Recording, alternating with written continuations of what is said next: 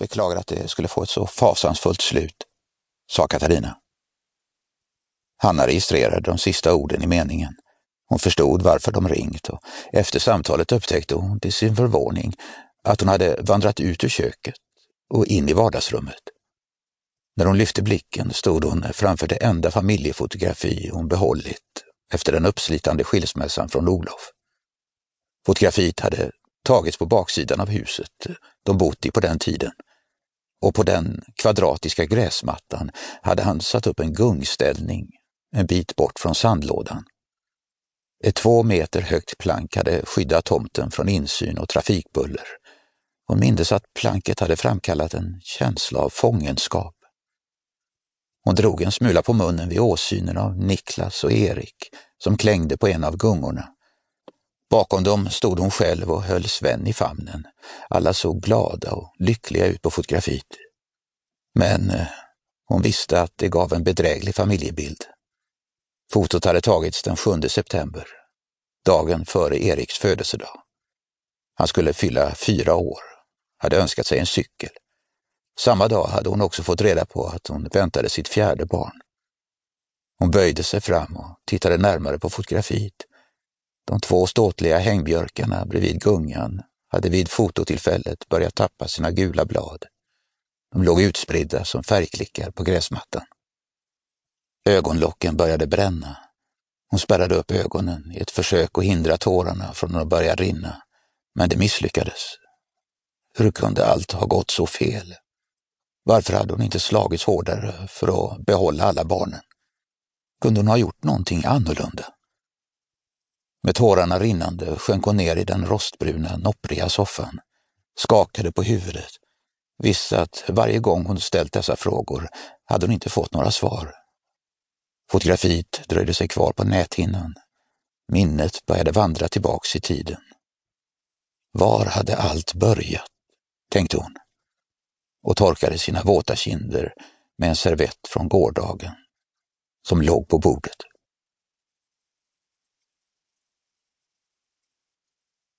Hannas historia Hanna föddes 1963, växte upp i en liten by Holmforsudden i Överkalix.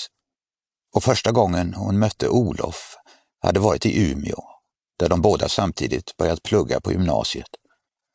I sitt lilla studentrum hade hon under den första terminen varje kväll legat på knä och bett sin aftonbön.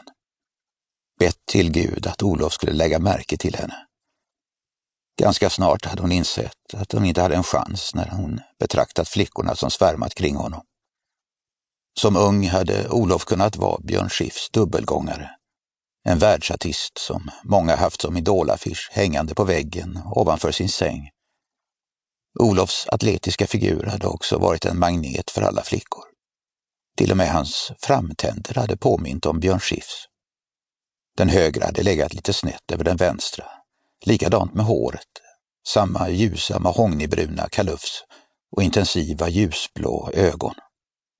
Hon hade märkligt nog också förälskat sig i den mjuka rundningen på hans örsnibbar och hans sätt att långsamt dra fingrarna genom sitt tjocka hår.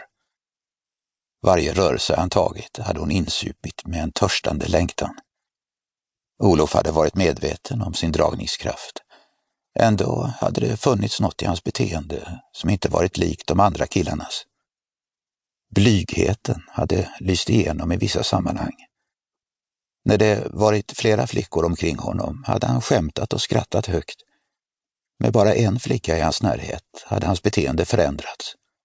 Då hade blicken flackat. Han hade gungat på hälarna, haft händerna i byxfickorna och verkat vilja vara någon annanstans.